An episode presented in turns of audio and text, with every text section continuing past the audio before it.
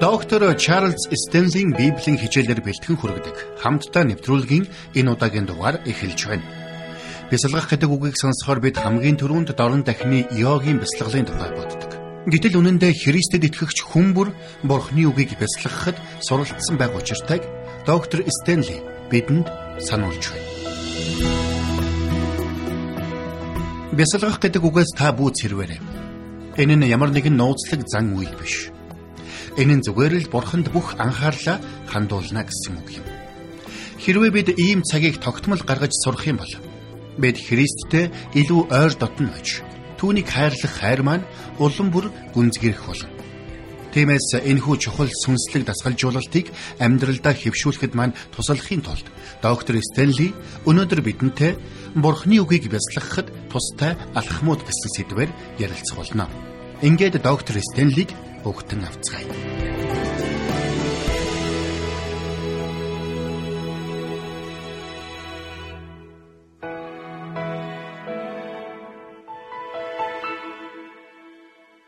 Бидний амьдралд хүнд хэцүү асуудлууд тулгарх үед бид хамгийн түрүүнд Библийн аль ном руу очдөг вэ?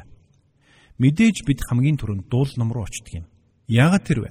Яагаад гэвэл дуул номоос бид бидэнтэй адил зовлон бэрхшээлтэй нүүр тулсан хүмүүсийн дууллыг олж унших боломжтой байдаг юм.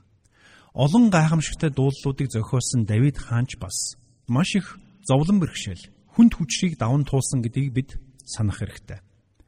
Гэвч тэр бүх зовлон бэрхшээлийн дунд тэрээр Бурхны тухай олон гайхамшигтай зүйлсийг олж мэдсэн байдаг юм. Түүнийгээ ч зохиосон дууллуудаа өгүүлсэн байдаг.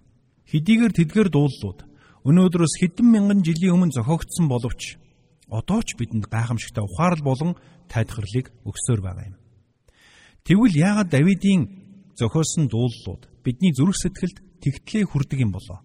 Яагаад гэвэл Давид бурхан эцгийнхээ дуу хоолойг сонсож сурсан нэгэн байсан. Тэр бурхны тухай эргцүүлэн бодож, бурхны үгийг тунгаан бясалгаж сурсан хүн байсан юм. Хоньны бэлчээр дээрх бяцхан хүү байхтаач. Хожим нь Израилийн агуу хаан болсон хойноч тэр бурхны өмнө сууж Бурхны дуу хоолойг сонсохдоо цаг гаргасаар байсан юм. Итгэлийн амьдралдаа итгэлээр өсөхийн тулд бидний хийх ёстой хамгийн чухал зүйл юу вэ? гэж надаас олон хүн асуудаг. Ингэж асуухтаа тэд ихэвчлэн агуу онцгой хариултыг хүсэж асуудаг юм.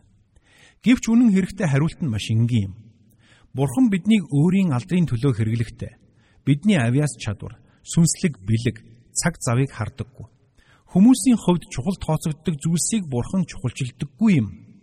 Харин бурхантай хэр ойр дотн харилцаатай байна вэ гэдэг л хамгийн чухал гэдэгт би итгэдэг. Тиймээс бид бүгдээрээ бурхны өмнө яг адил тэгш байр суурьтай гэсэн үг юм. Зарим хүмүүс надад авиас чадвар байхгүй гэж хэлдэг. Зарим хүмүүс надад ур чадвар байхгүй гэж хэлдэг. Харин зарим нь надад сүнслэг бэлэг байхгүй гэж ярьдаг. Харин зарим нь би өөртөө ихтэй биш байна гэж хэлдэг. Гэвч үнэн хэрэгтээ энэ бүх тиймч чухал биш. Учир нь Бурхан биднийг хэрэглэхдээ өөртөө нь хэр ойр байна вэ гэдгийг л голчлон харддаг юм. Мэдээж Бурхан өөр өөр авиас бэлэг, өөр өөр ур чадвар, өөр өөр зан чанартай хүмүүсийг харилцсан адилгүй байдлаар хэрэгэлдэг. Гэхдээ би энд үр нөлөөтэй үйлчлэлийн тухай ярьж байгааг та ойлгох хэрэгтэй. Өнөөдөр маш олон авиастай маш чадварлаг хүмүүс олон бий. Тэгсэн хэрэн сүнслэг үр нөлөөтэй байж чаддгүй хүмүүс олон бий. Харин бурхантай ойр байдаг хүнийг бурхан бидний төсөөлж чадхаас ч илүүгээр хэрэгэлдэг гэдгийг бид ойлгох хэрэгтэй. Хэдийгээр бидний авьяас бэлэг, ур чадвар, харилцан адилгүйч бурхантай ойр дотн харилцаатай байх тал дээр бүгд адил тэгш юм. Учир нь загалмайн өмнө бид бүгдээрээ адил тэгш. Тиймээс итгэвч бидний хувьд бурхантай ойр дотн хөвчлсөн харилцаатай байх нь маш чухал юм.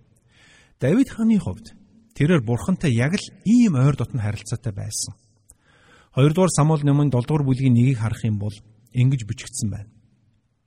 Хаан өргөндө туглан амьдарч эзэн эргэн тойрных нь бүх дайснаас түүнийг амруулсан тэр үед гэсэн байна. Яг энэ үед бурхан иш үзүүлэгч Натаныг илгээж Давидэд үгээ айлдсан юм. Ингээд Натантай ярьсны дараа Давид хаан юу гэж хэлсэн байдаг вүлээ? 18 дугаар ишлэлдэр ийхүү өгүүлсэн. Тэгээд Давид хаан явж эзний өмнө суугаад Эзэн бурхан минь би хэн болоод минийгэр юу болоод та намайг энэ хүртэл авчирсан юм бэ гэж хэлсэн. Ингээд Давид хаан Бурхны өмнө тунгаан бодох цагийг гаргасан байна. Тэр Бурхны тухай бодож, Бурхныг сонсох цагийг гаргасан. Ийхүү тунгаан бодох үедээ Давид дараах дөрвөн зүйлийг хийсэн байна. Юуны түрүүнд тэр өнгөрсөн амьдралаа эргцүүлэн ботсон. Тэр хончин хүү байсан тухайга, Голиаттай тулалдсан тухайга, Саулаас хэрхэн зүхтэж нуугдж байсан тухайга болон туулж өнгөрүүлсэн амьдралаа бүхэлд нь эргэн сансан. Хэрхэн дайтаж, тулалдж байсан тухайга эргцүүлэн ялж ялагдж байснаа ч дурсан сансан. Дараа нь тэр бурхны тухай эргцүүлэн бодсон байна. Бурхан өөрт нь хэрхэн сайнаар хандсныг, бурхан ямар агуу болохыг эргэн сансан. 3 дугаарт Давид хаан бурхны амлалтуудыг сансан. Эцэст нь тэр бурхан гуйл залбирлаа өргөссөн байгаа юм. Бурхны өмнө ганцаараа ирээд Бурхны тухай тунгаан бодох үедээ Давид хаан ийм дөрвөн зүйлийг хийсэн юм аа. Миний хувьд Бурхны үгийг үр нөлөөтэйгээр тунгаан бодоход шаардлагатай 6 чухал орцыг та бүхэнд хуваалцмаар байна. Учир нь та Бурхны өмнө даруугаар ирж Бурхны дуу хоолойг сонсож сурахаас нааш итгэлийн амьдралдаа бүрэн дүүрэн сэтгэл хангалуун байж чадахгүй. Танд ямар нэгэн зүйл дутуу байгаа мэт мэдрэмж төрсөөр байх болно. Үүнээс гадна та Бурхны үгийг бясалган бодож сурах хүртлээр бусад хүмүүстэй харилцах харилцаандаа ч сүнслэг үр нөлөөтэй байж чадахгүй юм. Тиймээс би дараах 6 чухал орцыг та бүхэнд хуваалцмаар байна. Ингээд хамтдаа 2 дугаар Самуэль номны 7 дугаар бүлгийн 18 дугаар ишлэгийг харъя. Тэгээд Давид хаан явж эзний өмнө суугаад Эзэн бурхан минь ээ би хэн болоод миний гэр юу болоод та намайг энэ хүртэл авчирсан юм бэ гэж асуусан. Давид хаан энд бурхантай ярилцаж түүнд бүх зүрх сэтгэлээ уудлан ярьсан байна. Дуулал номоос үзэх юм бол Давид хаан бурхны өмнө ирж сэтгэл зүрхээ уудлан залбирах цагийг үргэлж гаргадаг байсан нь илэрхий харагддаг юм. Тиймхүү бурхантай хоёулахна байх цагийг гаргаж бурханд зүрх сэтгэлээ уудалж бурхны үгийг бясалган бодох үед бурхан түүний амьдралд гайхамшигтай ажлуудаа хийдэг байсан. Хэдийгээр Давид хаан алдаж онож байсан ч, унаж бүдэрч байсан ч, Бурхан түүнийг миний зүрх сэтгэлийн дагуу хүн хэмээн тодорхойлсон юм. Давид өө сэвгүй төгсгөн байгаагүй. Тэр алдаж бүдэрч байсан. Тэр бүхэл олны нүдэн дээр алдаа гарган буруудаж байсан. Гэсэн ч Бурхан түүнийг миний зүрх сэтгэлийн дагуу хүн хэмээн нэрлсэн. Яагаад тэр вэ? Мэдээж Давид хаан эрлэхэг зоригтой эрэмгий дайчин ир байсан. Тэр авиаслаг хөгжимчин чадварлаг өдөрдөгч байсан. Гэхдээ тэр ур чадвартай учраас биш. Авиас бэлэгтэй учраас ч биш. Харин бурхнаар үлсэж цангасан зүрх сэтгэлтэй байсан учраас бурхан түүнийг инхүү нэрлсэн байх нэ. Хожим нь итгэгч бид бурхны өмнө тайлангаа тавих үед тэр биднийг зөвхөн үйлс болон үйлдэлийн дагуу бус. Харин бидний зүрхний хандлагын дагуу шүүх болно. Тиймээс бид бурхныг эрен хайсан Бурхнаар үлсэж цангасан, Бурхныг таньж мэдхийг эрмэлтсэн зүрх сэтгэлтэй байх нь чухал юм.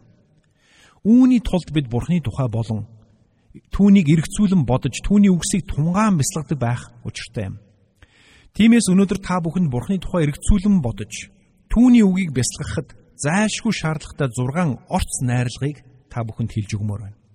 Эдгээр нэг талаас маш энгийн боловч нөгөө талаас маш чухал алхмууд юм. Эдгээр 6 зүйл нь таны бурхантай харилцах харилцааг чинь ойр дотн болгох нь дамжиггүй. Бид ийхүү бурхантай ойр дотн болох тусам бидний зүрх сэтгэл бурхнаар илүү их өсөж цангах болно. Харин бурхнаар өсөж цангасан бурхныг чин зүрх сэтгэлээсээ эрен хайсан нэгнийг бурхан өөрийнхөө алдрын төлөө хамгийн гайхамшигтайгаар хэрэгэлдэг юм. Олноос онцгой ур чадвартай биш ч гэсэн бурхнаар гайхамшигтайгаар хэрэглэгдэж би маш олон хүмүүсийг би олон газарт харсан. Тэр хүмүүсийг гаднаас нь харахад тэд эгэл жирийн онцлог зүйлгүй мэд харагдавч Бурхан тэднэр дамжуулан агуу ажлуудаа хийж байгааг би харж байсан. Учир нь хүмүүс бид гадаад байдлыг хардаг бол Бурхан дотоод сэтгэлийг хардаг юм. Тиймээс хэрвээ та Бурханаар хэрэглэгдэж итгэлийн амьдралдаа өсөж хөгжихийг хүсэж байгаа бол дараах 6 чухал орцыг тэмдэглээд аваарай. За ингэж эхлэе. Нэгдүгээрт. Нэгдүгээрт. Цаг хугацаа цаг хугацаагаа бичээд аваарай. Хэрвээ та Бурхныг таньж мэдж, Бурхантай адил дүр төрхийн дагуу өөрчлөгдөхийг хүсэж байгаа бол Бурхантай хамт байх цагийг гарга. Бид хэнийг хамгийн ихээр ширтэн харна? түүнтэйгээ илүү адилхан болж өөрчлөгдөж байдаг юм. Бид оюун санаагаа юун дээр хамгийн ихээр төвлөрүүлэн түүнтэйгээ адилхан болж өөрчлөгдөж байдаг юм. Тиймээс хамгийн чухал эхний орц бол цаг хугацаа юм. Давид хаан гэлтгүү. Эзэн Есүс хүртэл Бурхан эцгийнхээ үгийг тунгаан бясалгахад тусгаалan цагийг гаргадаг байсан. Эзэн Есүс өглөө эртлэн босоод уулан дээр гарч Бурхан эцэгтэй хандан залбирдаг байсан юм. Тэр Бурхан эцэгтэйгээ хамт байх цагийг тусгаалan гаргадаг байсан. Өнөөдөр бид амьдралын энэ завгүй хэмнэл дунд юунд цаг гаргах вэ? Юунд цаг гаргах шаардлагагүй вэ гэдгээ нэгд нэгэнгүү бодож төлөвлөдөг болсон. Тэгвэл та Бурханд зориулсан цагийг тусгаалan төлөвлөж байна уу? Хэрвээ та Бурханд зориулсан цагийг гаргахгүй бол Та жинхэнэ амар тайван аз жаргал мэрэгэн ухаан сэтгэл хангалуун байдалд ч цаг гаргахгүй байна гэсэн үг. Бид бурхан зориулсан цагийг тусгаалan гаргахгүй бол итгэлээр хизээж өсөж чадахгүй. Нэг хүн надаас би эзэн дотроос хурдан өсөхийн тулд юу хийвэл зохистой вэ гэж асуусан. Харин би тэр хүнд хэрвээ чи маш богинохон хугацаанд маш хурдан өсөе гэж бодож байгаа бол тэгэх ямар ч боломжгүй шүү гэж сануулсан юм. Яагад гэвэл Бурхныг таньж мэдж Бурхан дотроос өсөхийн тулд заавал Бурхантай хамт цагийг өнгөрүүлэх ёстой болно. Үүнд гарцаагүй цаг хугацаа шаардагдана. Сонирхолтой нь эзэн Есүс хизээч яарч сандарч байгаагүй. Тэр Бурхан эцэгтэйгээ хамт байх цагийг хангалттай гаргадаг байсан учраас өөр бусад зүйлсд яарч сандарч байгаагүй юм. Бурхан эцэг нь бүхнийг захирч байгаа гэдгийг тэр мэддэг байсан учраас тэр юунд ч яарч сандардаггүй байсан. Бид заримдаа ажлаа амжуулах гэж яарч сандардаг хэрнээ. Бурхантай хамт алхах тал дээр дэндүү хойрго явдаг. Бид гаднаас нь харахад хурдан яваад байгаа мэт харагдавч сүнслэг байдлын хувьд маш удаан урагшилж байдаг юм. Гэтэл эзэн Есүс хизээч нэг газраас нөгөө газар руу яаран гүйж, сандарч, твдэж, мэгдэж байгаагүй. Яагад гэвэл Бурхан эцэгтэйгээ хамт байх цагийг гаргах нь Түүний амьдралд ямар чухал зүйл болохыг тэр маш сайн мэддэг байсан юм. Давид хаан ч ялгаагүй. Бурхны өмнө туглан сууж, Бурхантай хамт байх цагийг тогтмол гаргадаг байсан. Бүх дайн тулаан дуусны дараа биш, харин тэмцэл тулаан дундаач Давид Бурханд зориулсан цагийг тогтмол гаргадаг байсан юм. Тэрээр Бурхны тухай тунгаан бодож түүний үгийг бясалгадаг байсан. Мэдээж түнд өнөөдрийн бидний гар дээр байгаа шиг бүтэн Библи байгаагүй гараас гар дамжиж ирсэн хуучин гэрээнүүдийн бичээсүүд л байсан. Гэтэл өнөөдөр бид гар дээр бүтэн Библи барьчихсан хэрнээл Библийг уншиж судлахад хангалттай гаргадаг нь үнэхээр харамсалтай юм. Тэгэхээр бидний хувьд Бурхны тухай эргцүүлэн бодож түүний үгийг тунгаан бясалгахад тусгаалan цаг гаргадаг байх нь чухал байх нь. Тиймээс би танаас асууя. Та шударгаар хариулаарай. Та 7 хоногийн даваагаас нэм гаргийн хооронд бүхий л ажлуудаа төлөвлөхдөө Бурхан зориулсан цагийг тусгаалan төлөвлөснө үү? Төлөвлөдгөө. Хэрвээ үгүй бол би танд хэлье. Хэрвээ та тэр цагийг сайн дураараа тусгаалan гаргахгүй юм бол Бурхан танаар хүчээр энэ цагийг хийлэхгүй гэдгийг санаарай. Тиймээс хэрвээ таны төлөвлөгөөнд Бурханы үгийг бясалгах, тунгаан бодох, мөн чимээгүй цаг хийх, ганцаарчсан залбирлын цаг гаргах гих мэт төлөвлөгөө багтаагүй бол би танд хэлье та ийм цагийг аяанда гаргана гэж байхгүй. Яг гэвэл диавол буюу муу нэгэн таны ажлын цагийг улам бүр шахуу болгосоор байх болно. Тиймээс та тусгаалсан цагийг зориудаар төлөвлөж гаргах хэрэгтэй. Би ийм цагийг гаргах болно гэж шийдвэр гаргах хэрэгтэй. Хэдийгээр танд хийх ёстой өөр олон чухал ажил байгаа мэт санагдаж байж болох ч. Үнэн хэрэгтээ таны хийж чадах хамгийн чухал ажил бол Бурханд зориулсан цагийг гаргах явдал гэдгийг та санаарай. Хэдэн 7 хоногийн өмнө би дотроо энэ 7 хоногт би бурхан зориулсан цагийг тусгаалan гаргая гэж төлөвлөсөн. Надад тийм цаг гарах үнэхээр хэрэгтэй байгааг би мэдэрч байсан юм. Гэвч 7 хоног дундаа орж байхад би дотроо бурхан минь ээ ажил ямар их байна. Би өмнө танд зориулсан төлөвлөсөн цагаа энэ 7 хоногт лав гаргаж амжихгүй юм байна. Дараагийн 7 хоногт яа гаргая гэж бодож эхэлсэн. Би 7 хоногийн төлөвлөгөөндөө байгаа ажлуудыг анхааралтай ажигласан ч бүгд л хийх ёстой чухал ажлууд мэд харагдаж байсан юм. Үнэн дээр бурханд үйлчилж байгаа хүмүүс бид энэ тал дээр илүү анхааралтай байх ёстой гэдгийг бид ойлгох хэрэгтэй. Яагаад гэвэл бидэнд бурхны төлөө хийх ёстой маш олон чухал сүнслэг ач холбогдол бүхий ажлууд зөндөө байдаг. Харамсалтай нь бид тэр бүх сайн ажлуудад бүх анхаарлаа хандуулад Бурхан эзэндээ цаг гаргах хамгийн сайн ажлыг хойш тавьж өргөдөг. Би ч бас ийм алдаа гаргаж байсан. Тиймээс танд ч бас ийм алдааг гаргах эрсдэл бий гэсэн үг юм. Тэгэхээр би өмнө хэлсэн зүйлээ дахин нэг удаа сануулмаар байна. Та бурханд гаргах цагийг тусгаалan төлөвл. Хэрвээ та энэ цагийг зориудаар гаргахгүй юм бол энэ цаг аяандаа гарч ирнэ гэж байхгүй. Бас та бурхан зориулсан цагийг тусгаалan гаргах нь таны сүнслэг өсөлтөд маш чухал гэдгийг ойлгох хэрэгтэй. Тиймээс би таныг энэ чухал цагийг зориудаар төлөвлөж бурхантай хамт байх цагийг зориудаар гаргадаг байхыг уриалж байна. Бурхан бидэнтэй ойр дотн харилцаатай байхыг хүсдэг. Харин үүнд цаг хугацаа шаарддаг гэдгийг та ойлгох хэрэгтэй. Магадгүй та дотроо би ийм ч завгүй ажилтай, тийм ч завгүй ажилтай гэж бодож ойж болох юм. Тэгвэл би танд хэлье. Хүн дээр өвдөөд хэвтэх үед минь Бурхан надаас одоо чамд хэрэг хугацаа үлдсэн болоо гэж асуух шиг санагддаг. Үнэн дээр Бурхан бидний хүн нэг бүрд адилхан цаг хугацаа өгсөн юм. Харин тэр цагийг яаж хуваарлах вэ? юуг чухал гэж үзэж, юуг нь энэ тэргүнд тавьж эренблэх вэ гэдэг нь бидний өөрсдийн сонголтын асуудал байдаг юм. Тиймээс хэрвээ бид ухаалаг сэрэмжтэй байхгүй бол завгүй ажилдаа дарагдсаар нэг л мэтгэд Бурханаас холдон одсон байх болно. Тиймээс Бурханы тухай эргцүүлж, Бурханы үгийг тунгаан бясалгахад шаардлагатай хамгийн ихний чухал орц бол цаг хугацаа гэдгийг та ойлгох хэрэгтэй. Бурханд зориулсан цагийг тусгаалan гарга. Бидний хүн нэг бүрд Бурхан адилхан цаг хугацааг өгсөн. Харин тэр цаг хугацаанд ямар ажлыг эхэлж амжуулах вэ гэдгийг сонгох сонголт нь биднээс өөрсдөөс мань шалтгаалдаг юм. Тиймээс та Бурханыг таньж мэдхийг хүсэж байна уу? Эсвэл хүсэхгүй байна уу? Хэрвээ та Бурханыг таньж мэдхийг үнэхээр хүсэж байгаа бол Бурханд цаг гаргах ёстой. Хэрвээ хүсэхгүй байгаа бол та хоногийн 24 цагаа өөр бусад ажлаар дүүргэнэ гэсэн үг. Тиймээс би та бүхнийг уриалмаар байна. Та өнөө өрөө гертээ ороод календараа гаргаад хараарай. Та бурхан зориулсан цагийг төлөвлөсөн байна уу үгүй юу? Хэрвээ үгүй бол та бурханд бурхан минь би маш завгүй байгаа болохоор надад танд гарах цаг алгаа гэж хэлж байгаатай адил гэдгийг санаарай. Тиймээс та бурхан зориулсан цагийг заавал төлөвлөж тэр цагаа заавал гаргаж хэвшээрэй. За тэгэхээр бурханы талаар болон Бурхны үгийн талаар бясалгахад зайлшгүй шаардлагатай орцуудын талаар бид үзэж байна. Эхний орц нь Бурханд цагийг гаргах тухай ярьлаа. Харин хоёр дахь чухал орц бол нам гүм байдал юм. Дуул номын 46-гийн 10-ыг харах юм бол тэмцэлтгэ болж Бурхан гэдгийг минь мэд гэж хэлсэн байдаг. Хэрвээ бид Бурханы өмнө ирээд нам гүм байж чадахгүй бол Бурханыг мэдэрч чадахгүй төрнө. Учир нь нам гүм байна гэдэг нь бид өөр бусад зүйлийг хийхээ зогсооно гэсэн үг юм. Бид ихэнх тохиолдолд нэг дор хоёроос дээш зүйлийг амжуулах гэж оролддог. Бид үргэлж нэг ажлаа хийж байхдаа өөр нэг зүйлд давхар анхаарлаа хандуулчихсан явж байдаг.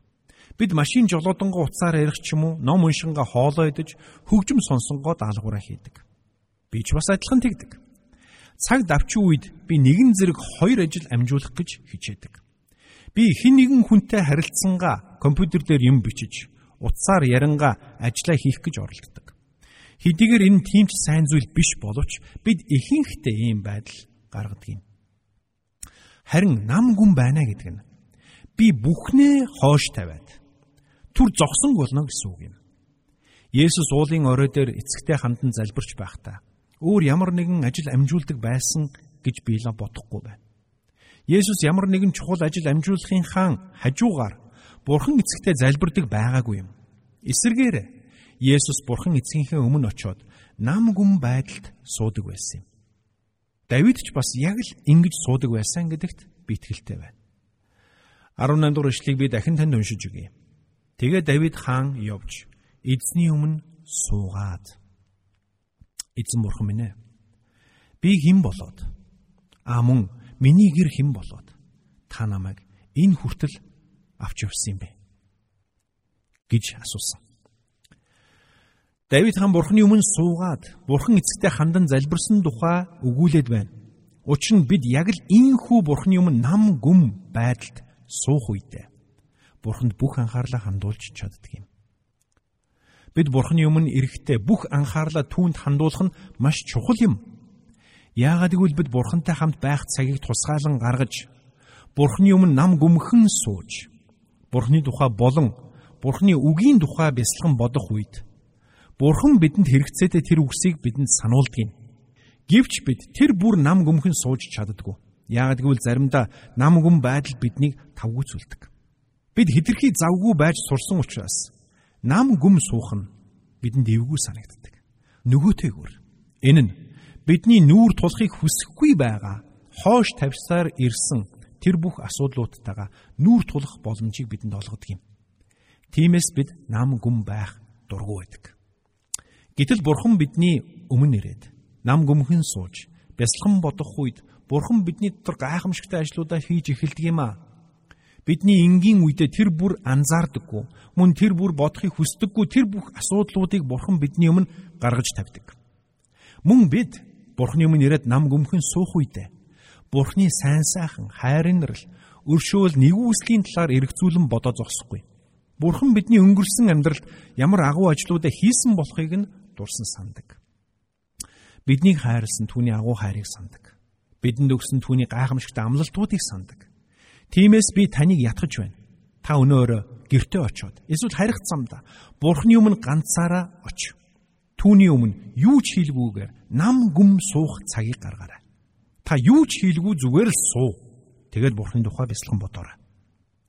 Мэдээж бидний завгүй ажиллаж байх үед Бурхан үгээ бидэнд хэлдэг. Гэхдээ Бурхны бидэнд хэлхийг хүсчихгүй ямар их үгийг бид завгүй байдлаасаа болоод сонсолгүй өнгөрдөг бол. Харин Бурхны өмнө очиод нам гөмхөн суух нь бидэнд Бурхны үгэнд анхаарлаа бүрэн дүүрэн хандуулах хүчийг өгдөг юм.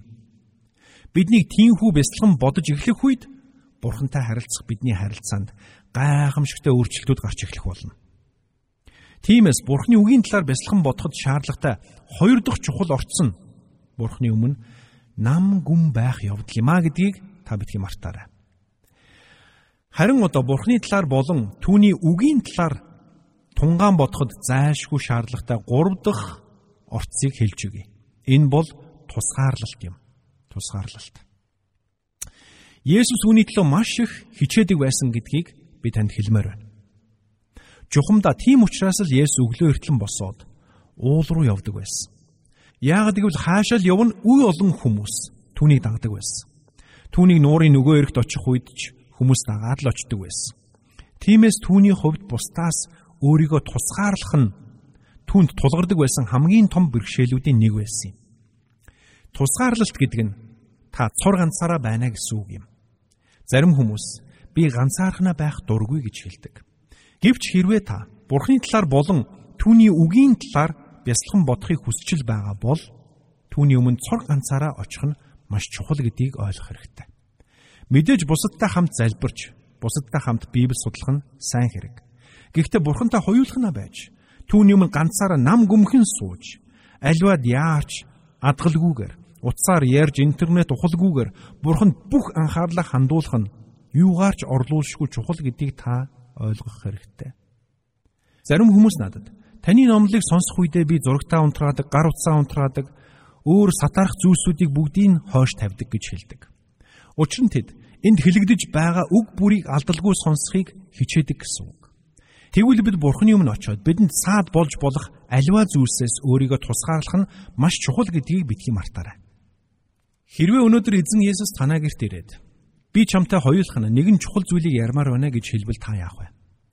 Та түр хүлээж байгаараа би нэг утсаар яриадахыг гэж хэлэх үү? Мэдээж үгүй. Та бүх анхаарлаа түнд хандуулна шүү дээ. Мария Марта хоёрын түүхийг та санаж байна уу? Есүсийг гэртээ хүлээж авах үед юу болсныг та санаж байна уу? Тэдний нэг нь гал тогооны ажилдаа түүртэн завгүй гүйж байсан бол нөгөө нь Есүсийн хүлд суугаа түүний сургаалыг анхааралтай сонсож байсан. Харамсалтай нь өнөөдөр бид юу ч хийхгүй зүгээр суун гэдэг чинь цаг үрсэн дэмий хэрэг байхгүй юу гэж бодох болсон цаг. Тэгвэл би танаас асууя. Танаа герт хаалга хаагад ганцаараа сууж болох. Хинч танд саад болохооргүй тийм газар бий юу? Хэрвээ байхгүй бол та тийм газрыг хаа нэгтээ өөрөө бий болго. Учир нь бурхантай хоёулахна хамт байх нь онцгой ивэлтэй юм эхнэртэйгээ эсвэл нөхөртөөгөө хоёулахнаа хамт байх ямар сайхан байдгийг та мэдэн шүү дээ. Цаг ямагт дэрэгд чинь хин нэгэн хөндлөнгийн хүн байгаад байвал танд таатай санагдахгүй нь лавтай. Тэгвэл бурхан ч бас хөндлөнгийн хин нэгэнгүйгээр зөвхөн тантай хамт байх тэр цагийг хүсдэг гэдэгт та итгээрэй. Учир нь бурхан танд үнэхээр их хайртай. Бурхан бидний хүнийг бүрийг хайрладаг. Гэхдээ тэглээгээд бурхан биднийг нийтээр нь ерөнхийд нь хайрладаггүй юм. Бурхан бидний хүнийг бүрийг хайрладаг. Гэхдээ тэглээгээд бурхан биднийг нийтээр нь ерөнхийлж хайрладаггүй. Тэр бидний хүн нэг бүрийг хайрлаж бидний хүн нэг бүртэй хамт байхыг хүсдэг юм. Тэр бидний хүн нэг бүрийг өөртөө нь хоёулахна хамт байх тийм нам гүмхэн тусгаалсан цагийг гаргаасаа гэж хүсдэг. Тэгвэл бид Бурхны өмнө тэр чухал цагийг гаргах үед яг юу болдог вэ? Бурхны амар тайван биднийг дүүргэдэг юм. Энэ дэлхийн өгч чадахгүй тэр юр бусын амар амгаланг Бурхан бидэнд өгдөг. Харамсалтай нь бид Бурхны өмнө нам гүмхэн суугаад Бурхны тухай бясалган бодох тэр тусгаалсан цагийг тэр бүр гаргаж чаддаггүй.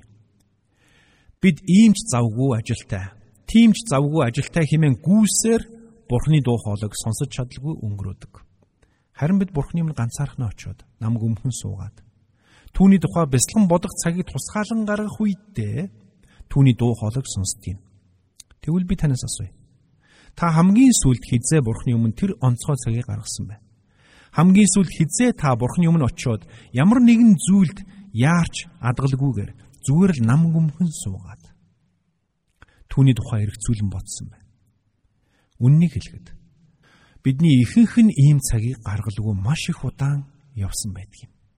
Бидний хийх ажил ар араас ундарсаар байдаг учраас бидэнд бурханд гарах цаг зав гардаггүй юм. Тиймээс би таныг уриалж байна. Бурхны өмнө ганцаарчлан очиод нам гүмхэн сууж түүний тухай эргцүүлэн бодох тусгайлсан цагийг та заавал гаргаарай. Зөвхөн бурхан л бидний амьдралд хамгийн чухал байр суурийг эзлэх учиртай. Харамсалтай нь бид амьдралын завгүй хэмнэл дундаа Бурхныг ажлын жигсаалтынхаа хамгийн хойд эгнэрүү шилжүүлж орхидог. Тэгвэл ажлын төлөвлөгөөнийхөө хамгийн ихэнд Бурхантай хоёулахнаа байх цагийг төлөвлөж тэр эрхэм нандин цагийг ямар ч үн цэнээр хамаагүй хамгаалах нь чухал болохыг доктор Стенли бидэнд сануулж байна. Библи бол Христэд итгэгчид бидэнд хэрхэн амьдрахыг заасан амьдралын гарын авлага юм. Бид Бурхны үгийг тунгаан бодсноор Бурхны замаар тууштайгаар алхаж чадна. Дуулал 119-р бүлгийн 11-ээс 16-ад ийхүү бичигдсэн байдаг. Таны эсрэг нүгэл хийхгүй тулд үгийг тань зүрхэндээ би хадгалав. Аяа, эзэн. Та ёроолтой. Зарилгуудаа надад цаагаач. Таны амнаас гарсан бүх тогтоолыг би уруулаараа тунх гэлсэн. Би бүх баялагт баясдагтай адил таны гэрчлэлүүдийн замд баясдаг. Би тушаалуудыг тань бясалгаж, таны замуудыг эргэцүүлэх болно. Би таны зарилгуудад баярлна. Би таны үгийг мартахгүй. Өнөөдөр доктор Стенли бидэнд дахин сануулсанчлан Христэд итгэгчид бид Бурхантайгаа хоёулахна байх энэ чухал цагийг тогтмол гаргаж хэвших нь амин чухал юм шүү.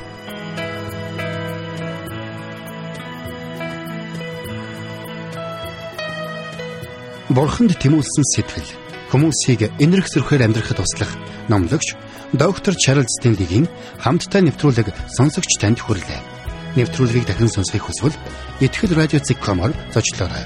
Бидэнтэй холбогдохыг хүсвэл 8085 99 тэгтэг дугаард хандаарай.